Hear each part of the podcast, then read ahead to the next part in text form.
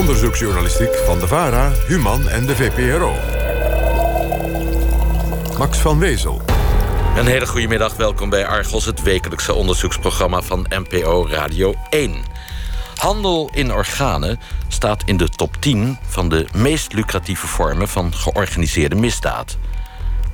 1,2 miljard dollar is de geschatte winst die ermee gemoeid is. Toch wordt er maar sporadisch iemand voor veroordeeld. Frederike Ambachtsheer promoveert volgende week op orgaanhandel. Straks vertelt ze waarom er zo weinig over bekend is. NPO Radio 1. Argos. Maar nu eerst, zoals net al in het NOS-nieuws aangekondigd... het vervolg op onze uitzending over de mysterieuze dood... van de Eritrese asielzoeker Kasai Mekone. Die uitzending deed twee jaar geleden veel stof opwaaien... en werd bekroond met de Lira Scherpenzeelprijs. Ondanks het gezamenlijke speurwerk van de site One World en Argos... bleven nog veel vragen open. Na de uitzending werden kamervragen gesteld... en de politie start een nieuw onderzoek. En onze eigen rechercheurs Sanne Terlinge en Huub Jaspers...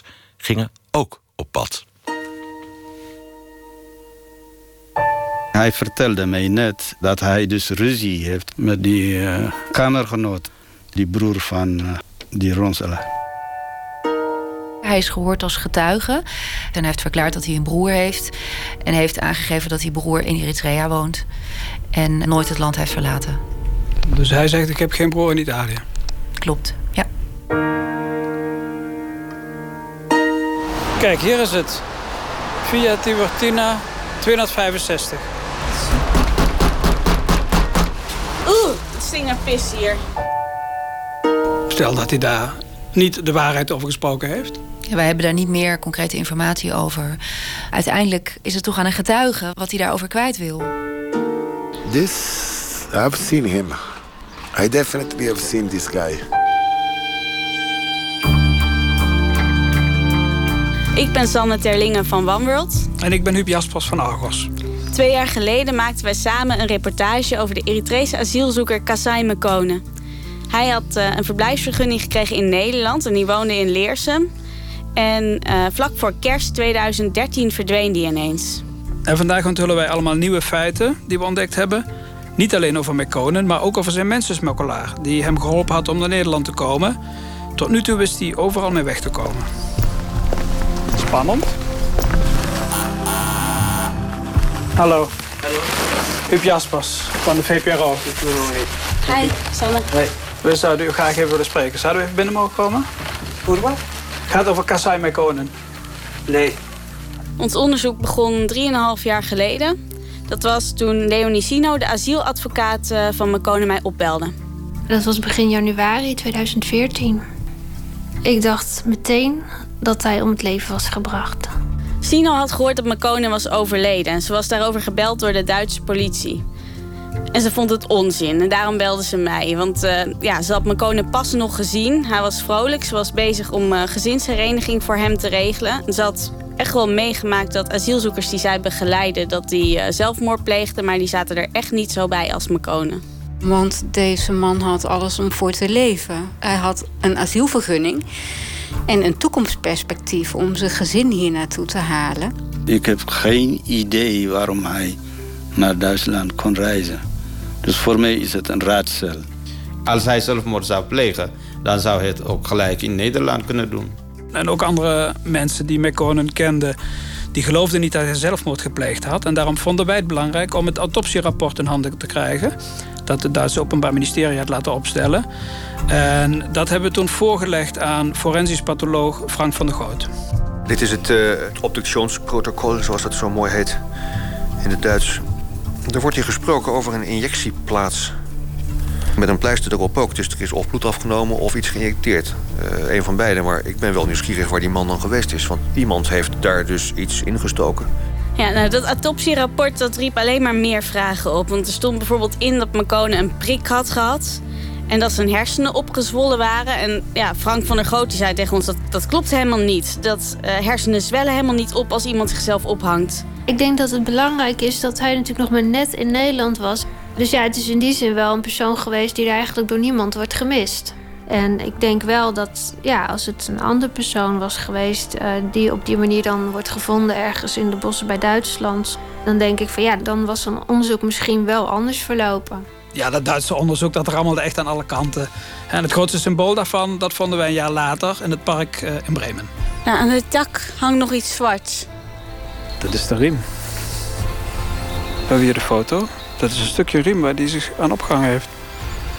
Hebben ze hem er afgesneden? En dat ding uh, gewoon laten hangen? Es ist äh, schon ziemlich makaber, dass sie das nicht abgeschnitten haben. Ne? Das macht so den Eindruck, zack, weg. Mekonen die was bedreigd, dat ontdekten wij, hè, door zijn kamergenoot op het asielzoekerscentrum in Leersum. Wij gaan jou dumpen, zou hij zelfs tegen hem gezegd hebben. We weten inmiddels ook de naam van die kamergenoot. Uh, Amanuel heet hij. Zijn achternaam weten we ook, maar die noemen we nu niet.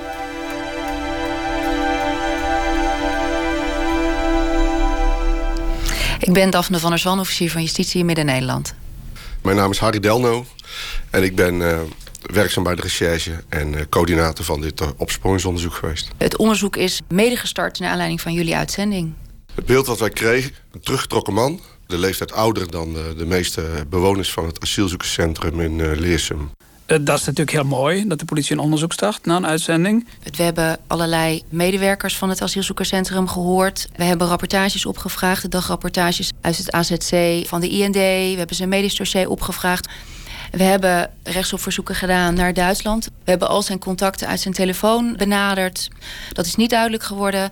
Nou ja, jullie hebben in de uitzending natuurlijk heel gedetailleerd uitgezocht... en ook verwoord met, met allerlei bronnen gesproken. En uh, mede naar aanleiding daarvan hebben we gezegd... nou, we vinden dit in ieder geval voldoende... om te zeggen dat er sprake is van een verdenking van bedreiging van Mekonen. Ze hebben ons ook uitgenodigd op het politiebureau in Zeist. Dat was in maart nadat ze het onderzoek afgerond hadden. En toen hebben ze ons eigenlijk heel openhartig verteld wat ze precies gedaan en gevonden hadden. Het is een moeilijk onderzoek om te doen, omdat ja, het toch lastig is om goed contact te krijgen met mensen uit de Eritrese gemeenschap. En we weten dat ze tegen jullie natuurlijk het een en ander hebben verklaard. Dat hebben we ook zelf uh, gehoord. Maar mensen zijn bij de politie toch altijd uh, iets terughoudender. Hè, wat voor reden dan ook. Ja, daarbij weet je ook niet of ze nou het achterste van hun tong laten zien. Wij hadden tijdens ons onderzoek allemaal Eritreërs gesproken. En die hebben ons uh, ook best open verteld dat Mekone was bedreigd door zijn kamergenoot Amanuel. Maar Amanuel zelf die hebben we nooit te pakken gekregen. Dus nu dat de politie wel was gelukt, ja, waren we heel benieuwd uh, wat hij dan te vertellen had. We hebben hem thuis opgehaald en zijn met hem naar het politiebureau gereden. Om daar uh, middels een tolk een verklaring van hem op te nemen. Hij is gehoord als getuige. Anderen hadden graag gezien dat wij die Kamergenoot als verdachte hadden aangemerkt. Hij was gewoon voor onze getuige. Neemt niet weg dat wij uh, wel in ons achterhoofd hielden dat hij misschien verdachte kon worden. Uh, ja, hier moet ik even iets uitleggen. Want uh, Delno die gaat het zo hebben over dagrapportages.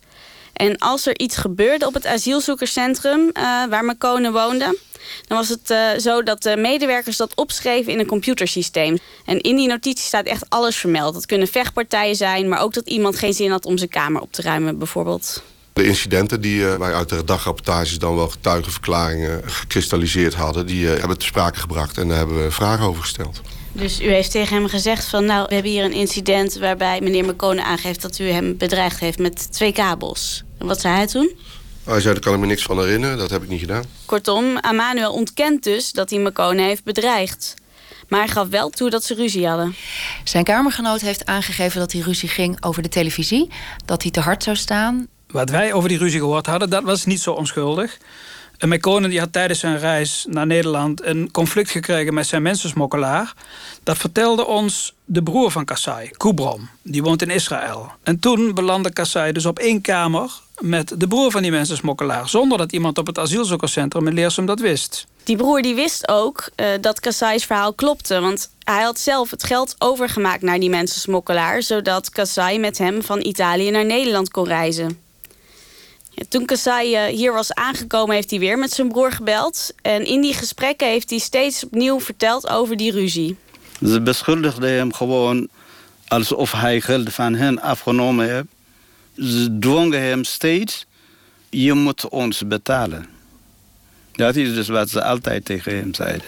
Ja, Manuel, de kamergenoot, die had ook een motief dus om Kassai te bedreigen. En daarom heeft uh, Harry Delno, de rechercheur, hem tijdens het verhoor uh, uitvoerig naar die broer in Italië gevraagd. Zijn antwoord was: Ik heb een broer, maar die is Eritrea nog nooit uit geweest. Eén broer? Ja. En hij zei niet: Ik heb ook nog een broer die is mensensmokkelaar in Italië. Nee, dat zei hij niet. Hij zegt: Ik heb geen broer in Italië. Klopt, ja. Stel dat hij daar niet de waarheid over gesproken heeft. Ja, wij hebben daar niet meer concrete informatie over dan dat hij ons verteld heeft. Uiteindelijk is het toch aan een getuige wat hij daarover kwijt wil. Wij hebben niet op een andere wijze bij hem het proberen te achterhalen of kunnen achterhalen of hij een broer had die mensensmokkelaar was. De politie die heeft dus onderzoek gedaan naar de bedreiging van Mekonen. Nou hadden we het al over de ruzie, maar volgens ons is er nog veel meer aan de hand. Heel vreemd is bijvoorbeeld dat Mekonen voor zijn dood een reis door heel Duitsland maakte. Eerst ging hij naar Berlijn, toen naar Braunschweig, toen naar Hannover en toen naar Bremen. En dat is eigenlijk heel raar, want hij kende niemand in Duitsland. En bovendien, hij durfde vanuit het asielzoekerscentrum nog niet eens de bus naar Utrecht te nemen. Iedereen vraagt zich af, wat ging hij in Duitsland doen? Ze hebben hem dus in Bremen gevonden, hangend aan een boom. Maar in het autopsierapport staan allemaal details die daar niet bij passen. Hij had uh, herseneudeem en dat krijg je volgens de experts die wij hebben gesproken van een klap op je hoofd of van vergiftiging. Maar niet als je jezelf ophangt. En dan had hij ook nog een pleister met een watje met bloed in zijn elleboogholte. Hij had een prik gehad. Er was iets ingespoten of er was bloed afgenomen, maar daar waren geen medische redenen voor. Hij was niet ziek.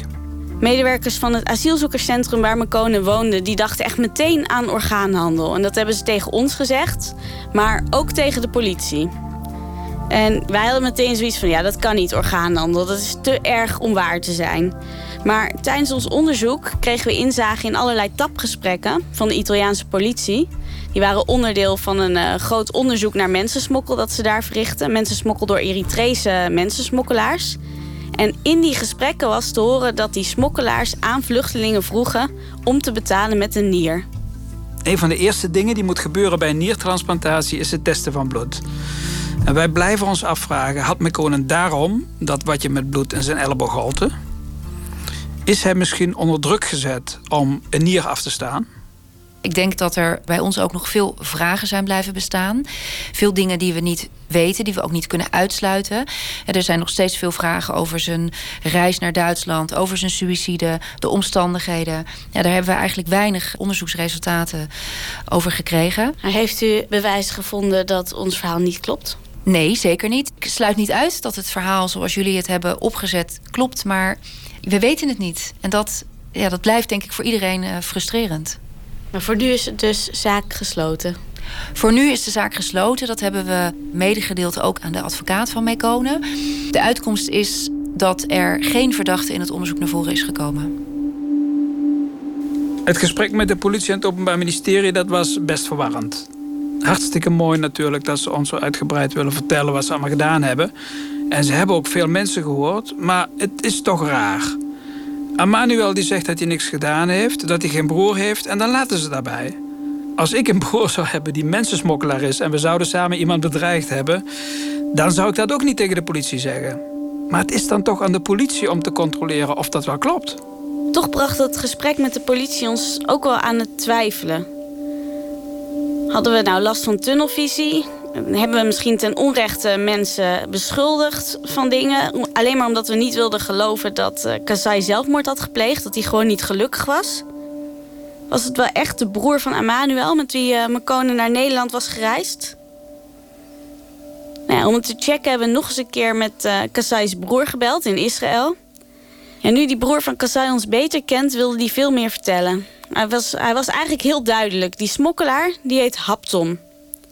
En Emmanuel heeft Kazai zeker bedreigd. معاذ دا سمع هذا أنا أماني القداي ناي حوني هابتوم هذا كم كيلو مسايمة إلا حو كم كيلو جليل Toen hij in Nederland arriveerde, toen heeft hij dus gezegd, oh die broer van Haptom, die is er ook hier bij mij. En toen heeft hij ook verder gezegd tegen mij, hij maakt problemen mee, voor mij. Hij heeft ook een mes gehaald en uh, mee bedreigd. Emmanuel had dat gedaan. Emmanuel heeft hij dat gedaan.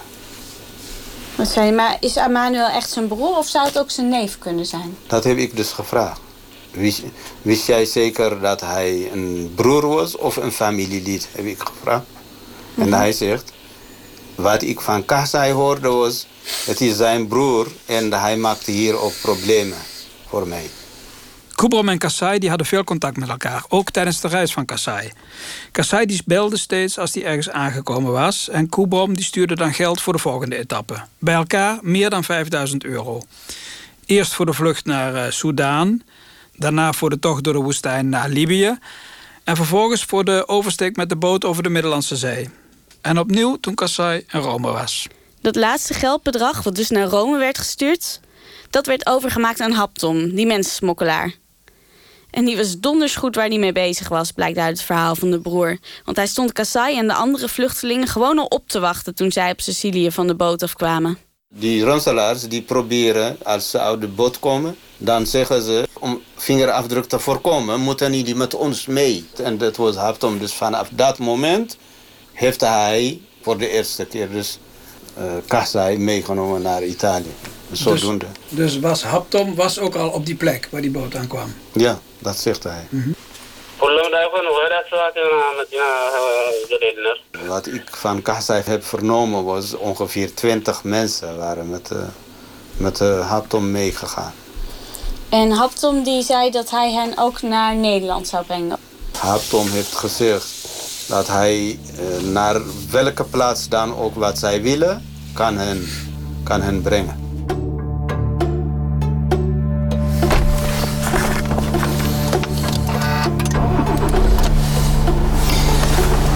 Even kijken of we het huis kunnen vinden. De voormalige kamergenoot op het AZC van Kassai Mekonen. We hebben er al lang naar moeten zoeken, maar we weten nu in ieder geval wel in welke plaats die woont. Weet je hoe je moet rijden? Ja. Op Facebook hebben we allerlei aanwijzingen gevonden dat Amanuel en Hapton wel degelijk broers zijn. Ze reageren op elkaars foto's. Hapton noemt Amanuels zoontje uh, ook een zoetje. En die reageert dan thank you, my family. En dan ligt hier ergens het huis van de kamergenoot van Kassai. Als het goed is wel, ja. Links afslaan, dan links afslaan. Kijk, dit is een goede buurt. Ja, hier dit huis rechts. Achtertuin, zag ik fietsen? Ja. Hier, ja, ja huisnummer klopt. Afrikaanse beeldjes in de vensterbank. Ja. ja, dit moet het zijn. Ja. Nou, naar binnen. Parkeer maar om de hoek, dan valt het iets minder op.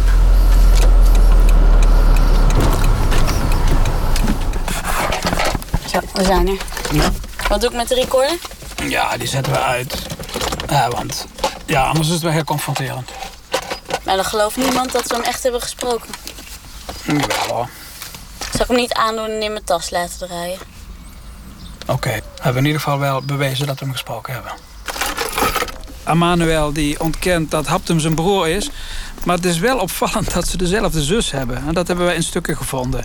Die zus die woont in Noorwegen. En we hebben ook gevonden dat ze alle drie uit dezelfde wijk komen. Uit Asmara, de hoofdstad in eh, Eritrea. En we hebben ook Eritreërs gevonden die ook uit die buurt komen.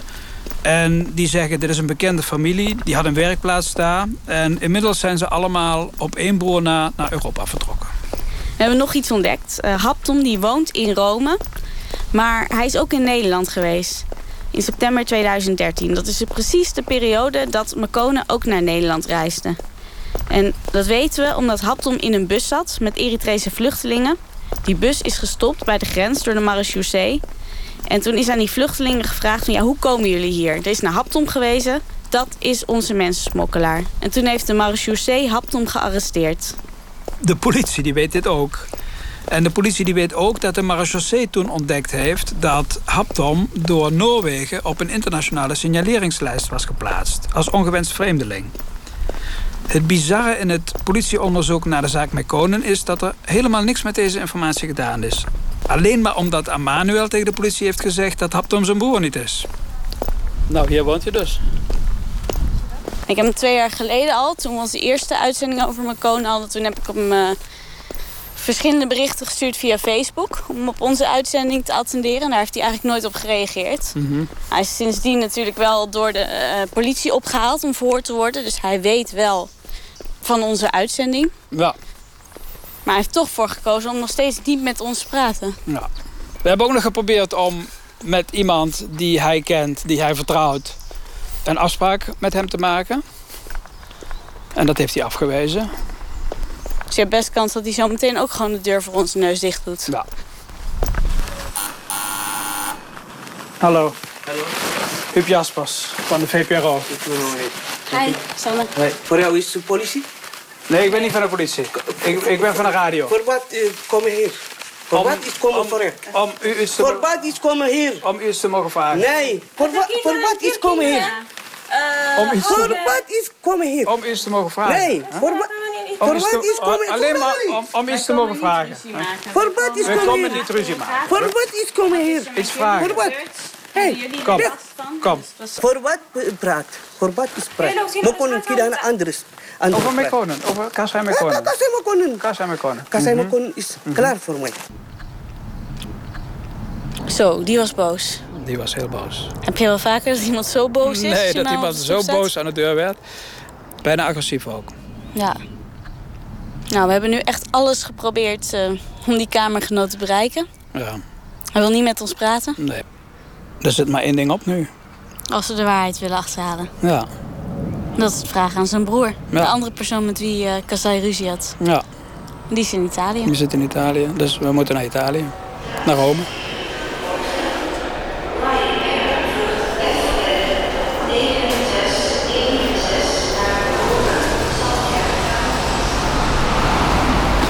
Rome.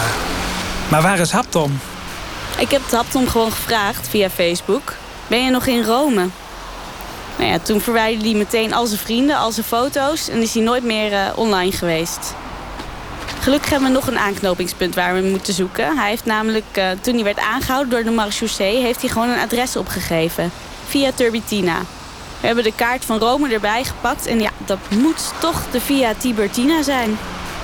Kijk, hier is het. Via Tiburtina 265. Een hele kleine ijzeren deur, een soort halk in. Hier. Oeh, het stinkt naar pis hier. Nou?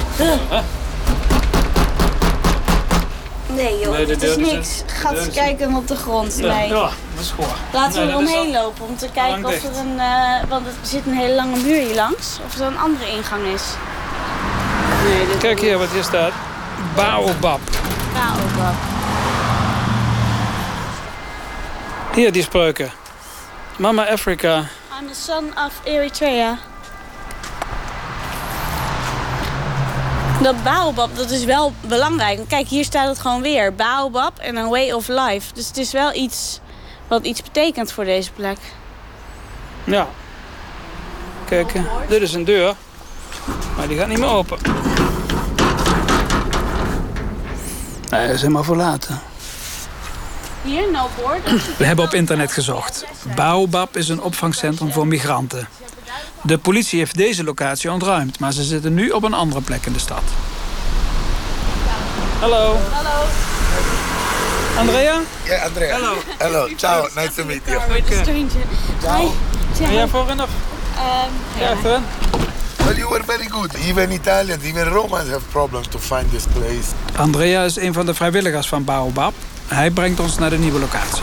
This is uh, at the end after 16 evictions. This is where we are staying uh, with the camp with the with the migrants. But here really we don't disturb anyone. This is an abandoned area. Oké, een eh, groot verlaten terrein. Met eh, allemaal tenten. And how many people are living here? 150 now. Misschien kunnen Andrea vragen of hij uh, herkent als we hem de foto laten zien.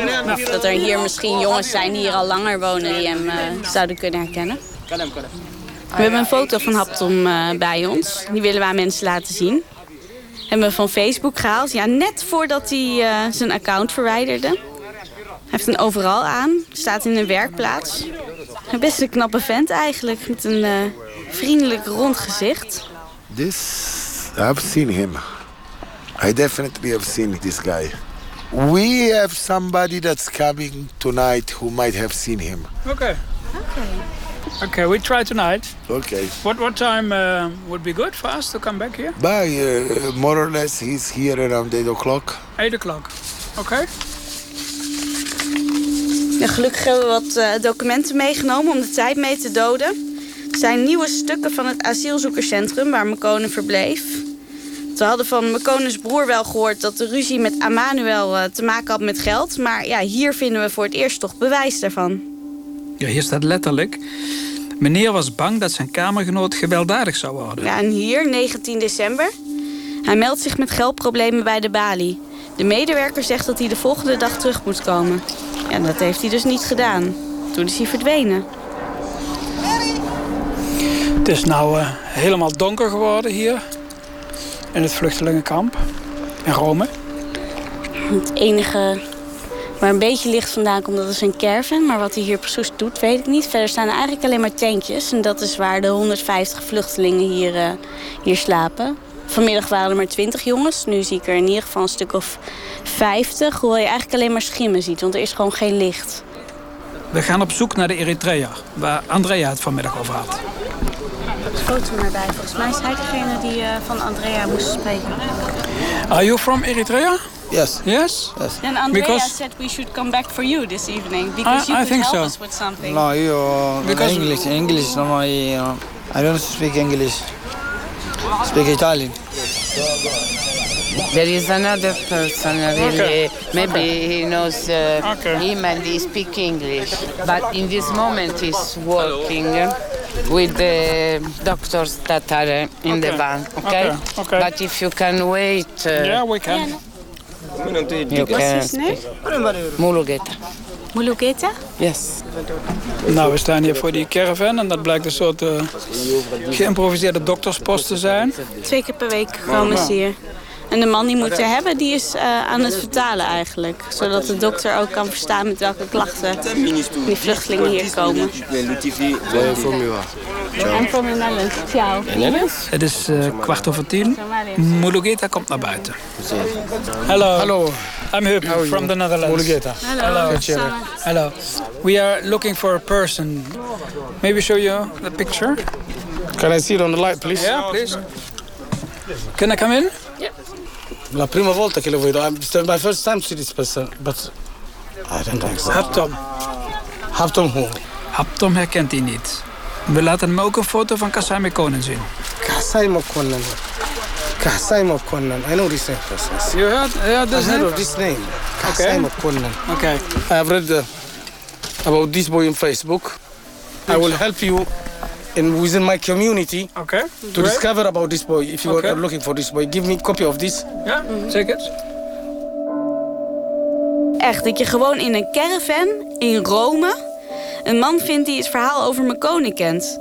En die dan ook nog bereid is om ons morgen te helpen. Wat een geluk. Naast Mulu vonden we ook nog een andere Eritrese jongen en die heeft met Mekonen gereisd. We bellen hem, een andere Eritreër vertaalt. Baxaan saqa markab wasiirkum samen vanaf Sudan tot Italia, Roma. Hij was met hem op de boot en dan in Rome ook. Mekonen logeerde niet bij Baobab, want Haptom nam hem meteen vanuit Sicilië mee naar een gekraakt kantoorgebouw. Bezet door vluchtelingen. Hij zegt dat hij heeft in Rome, het is een soort gebouw, die iedereen die komt daar slapen of eten krijgen, die heet Anemia. De reisgenoot van Mekonen heeft Haptom ook gezien in dat gebouw. Hij is kort man, een beetje eh, stevig, iets lichter dan mij. En eh, geld is uit eh, Israël gekomen. Omdat Mekonen geen paspoort had, kon hij niet zelf naar de bank gaan om geld op te halen. En eh, ja, die mensensmokkelaars die hebben wel een paspoort en die springen dus meteen in dat gat. En die bieden zich aan, want dat geld is nodig voor het vervolg van de reis. En zo kom je dus niet meer van ze af.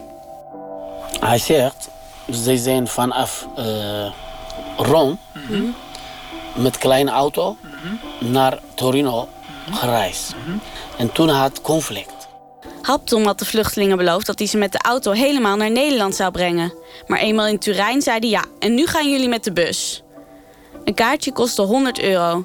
En ze hadden hem 1000 euro moeten betalen voor de reis. Ja, dat vond Kassai dus oplichterij. Wie bedreigt wie?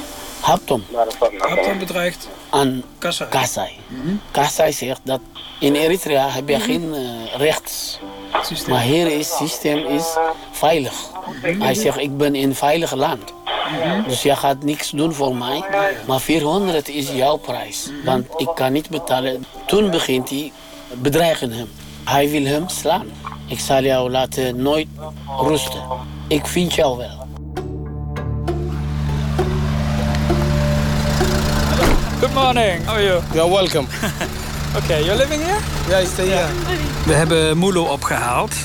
De reisgenoot van McConen had het over Anenya. Dat moet de wijk Ananinja zijn. En daar staat ook een gekraakt universiteitsgebouw dat aan de omschrijvingen voldoet. De Eritreërs hier die noemen het Selam Palace. What kind of place is it, Salam Palace? Salam Palace is an occupation where about more than maybe than 300, 400 Eritreans, uh, majority Eritreans and Ethiopians and Sudanese and Somalis live. This is the place. You can stop here. Grazie. We zijn een behoorlijk eind buiten de stad. Een glazen kantoorflat. Groot hek, satellietschotels. Het is sinds 2006 gekraakt door vluchtelingen uit Eritrea, Soudaan en Somalië. Alleen op donderdagavond komen hier hulpverleners. Voor de rest moeten de bewoners zichzelf zien te redden. Salam Palace. Klinkt best wel chic, maar het is echt geen prettige verblijfplaats. Er is bijvoorbeeld maar één wc per 20 inwoners, loshangende elektriciteitskabels, een lekkend riool. We hebben ook de Italiaanse kranten nagezocht op wat er hier allemaal gebeurt. En daar staan alleen maar nare berichten in. Berichten over brand, over verkrachtingen, zelfmoord, een steekpartij. Ja, Hapton. Right. He's from Asmara, the capital. Ja. Achia. Agria. You knew that? Yes, uh, one zone in, Asma in Asmara, Agria. Helaas mogen we niet naar binnen. En de mensen hier die zijn nogal argwanend. En daarom zegt onze gids Moelo... je kunt die opnamerecorder maar beter in de tas stoppen. Zo'n grote microfoon, dat valt op, dan gaan ze echt helemaal niks zeggen. En dus besluiten we maar de gesprekken verder op te nemen met de mobiele telefoons. This photo, when was it? Because this is not. His face is Hapton, I'm sure. yeah, but now he's very big. Yeah, but now he's very fat and he's not that much long. He's saying he's short. Ja, we hebben inmiddels een, eh, een stuk of acht bewoners hier gesproken. De foto van Haptom voorgelegd. En ze zeggen allemaal van ja, ja, dit is Haptom. Maar ja, is de foto oud of zo? Want ja, Haptom is toch echt wel dik. We laten nou aan een andere Eritrese vluchteling hier in dit gebouw de foto zien. Uh, yes, he, knew, he knows him. I know that he was staying here, but I never see him walking. Een andere bewoner weet wel waarmee hij zijn geld verdient. Sorry? He was a trafficker. He's a trafficker. Haptom uh, is een mensensmokkelaar. Dat horen we keer op keer en geen kleintje. Hij gebruikte ook zijn kamer hier in Salem Palace als verblijfplaats voor vluchtelingen. Hij wachtte ze op in Sicilië en eenmaal in Rome organiseerde hij ook verder hun reis naar het noorden. You said Hapton was having a room full of illegal people who want to travel further? Yes. So full of his clients? But uh, was he on the first floor or on the second floor? The first floor. The first floor, he had a room.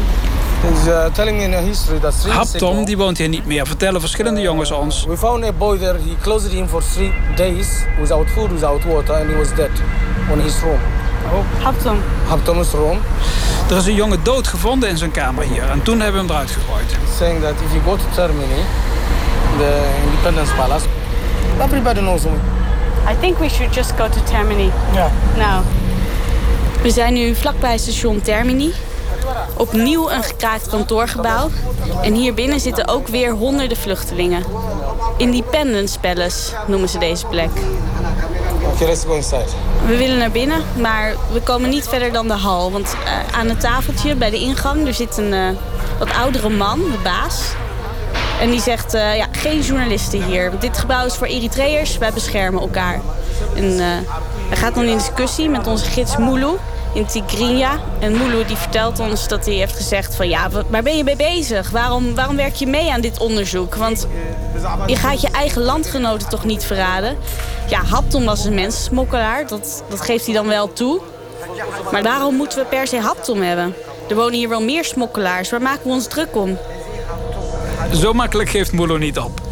Kom, we gaan naar buiten, zegt hij. Daar heeft de baas niks over te zeggen. We gaan de hoek om en daar spreekt hij alle Eritreërs die langskomen aan. En daar laat hij ze ook de foto van Haptom zien. I think now it's very short and fun. Haptom is berucht, ook in dit paleis.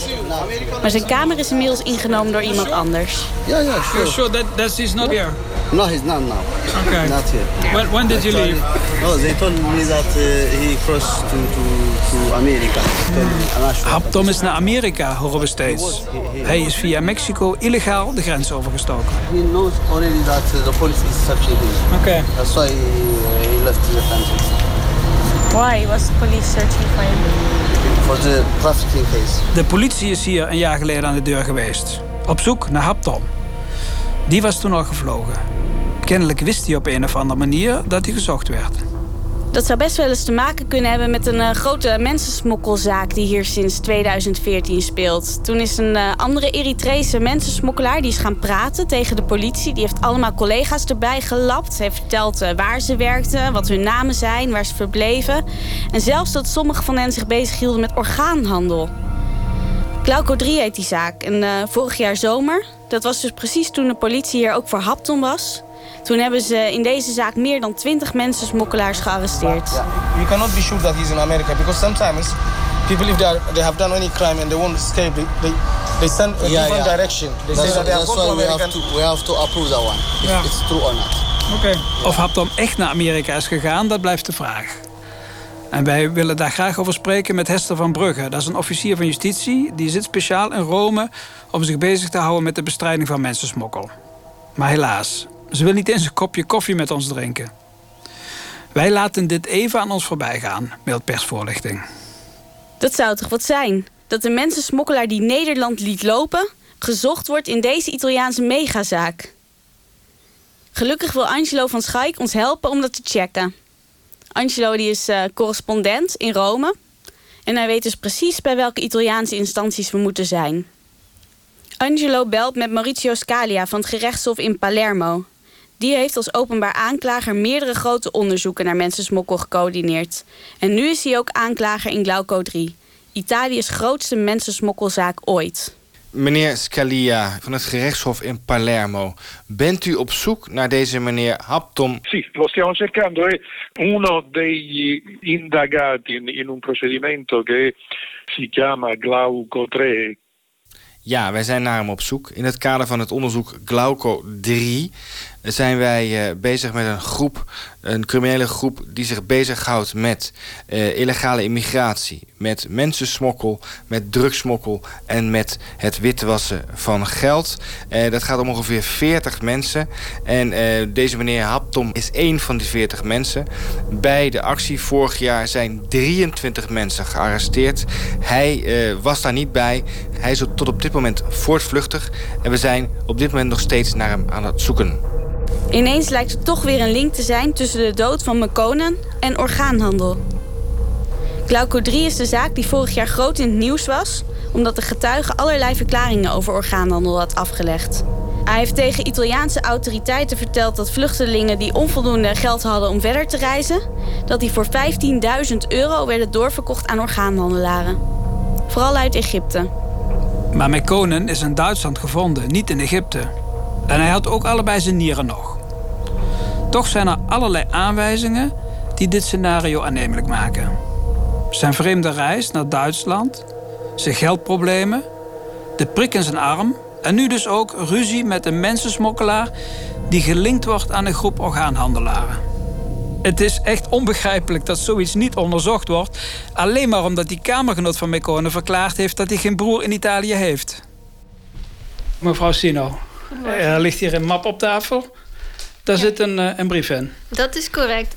En waar gaat die brief over? Ehm, ja, in deze brief staat eh, dat er verder geen onderzoek zou worden gedaan naar de dood van eh, meneer McCone. En die is getekend door? Van der Zwan, officier van justitie. We zijn in het kantoor van Leonie Sino. Mekones asieladvocaat die ons drie jaar geleden vroeg om nog eens naar zijn dood te kijken... omdat ze niet geloofde dat hij zelfmoord had gepleegd. Sindsdien hebben we elkaar op de hoogte gehouden van nieuwe ontwikkelingen. Dus nu er een uh, politieonderzoek is geweest... heeft ze ons gevraagd om weer eens bij haar langs te komen. Ik was uh, in het begin wel blij dat er een onderzoek werd ingesteld... maar het schijnt toch vrij beperkt te zijn geweest. En er is alleen maar onderzoek gedaan naar de bedreiging... die zouden hebben plaatsgevonden op het asielzoekerscentrum. En verder zijn er getuigen gehoord. Maar wat voor onderzoeksmiddelen zou u dan nog meer ingezet willen hebben? Wat heeft de politie nog niet gedaan? Ja, ik denk um, dat de Eritrese gemeenschap in Nederland een, een heel gesloten gemeenschap is. Uh, en ik denk dat de wijze waarop uh, de politie uh, de personen van uit deze gemeenschap, de eventuele getuigen, heeft verhoord, jaren nadat het een en ander gebeurd is, dat dat niet zorgvuldig is geweest. En ja, wat je vaker ziet, is dat bijvoorbeeld in een programma als Opsporing Verzocht een oproep wordt geplaatst, ook in de moedertaal van de betrokkenen, zodat het duidelijk is dat de zaak besproken wordt. Uh, en dat mensen zich kunnen melden als ze informatie hebben. Ik denk dat er binnen de Eritrese gemeenschappen zeker personen zijn die weten wat er met meneer McCone is gebeurd. Maar dat zij te bang zijn om daarover te spreken. Dat de dood van McCone onderwerp van gesprek is binnen de Eritrese gemeenschap, dat weten we inmiddels wel zeker. Ons onderzoek had zelfs Mulu in zijn caravan in Italië bereikt. Dus dat de Eritreërs op het asielzoekerscentrum van niets weten, terwijl ze zelfs hun keuken met McCone deelden, dat is echt ongeloofwaardig. Sino die laat het er niet bij zitten. Ze wil dat het Openbaar Ministerie nog een poging doet om te achterhalen wat er binnen de Eritrese gemeenschap bekend is. Ik heb een klaagschrift uh, ingediend namens uh, de nabestaanden. Klaagschrift bij het Hof uh, om te vragen of er toch verder onderzoek uh, zou worden ingesteld door het OM. Dat is een speciale procedure? Ja, dat is een beklag gebaseerd op grond van artikel 12 uh, van het wetboek van strafvordering. Dat is een artikel dat het mogelijk maakt om het Openbaar Ministerie te dwingen om een strafrechtelijk onderzoek in te stellen. Ja, dat klopt. Ja, het Hof gaat daarover besluiten. Ja. Het was mooi geweest als we nu konden vertellen wat Kassai Mekonen in Duitsland heeft gedaan. Of daar misschien iets gebeurd is waardoor hij zo bang werd dat hij zelfmoord pleegde. Of dat hij toch werd vermoord. Maar wie weet komen we er toch nog achter. Als we mensensmokkelaar Haptom opsporen. Dan kunnen we hem eindelijk die ene vraag stellen. Wat is er gebeurd met Kassai Mekonen?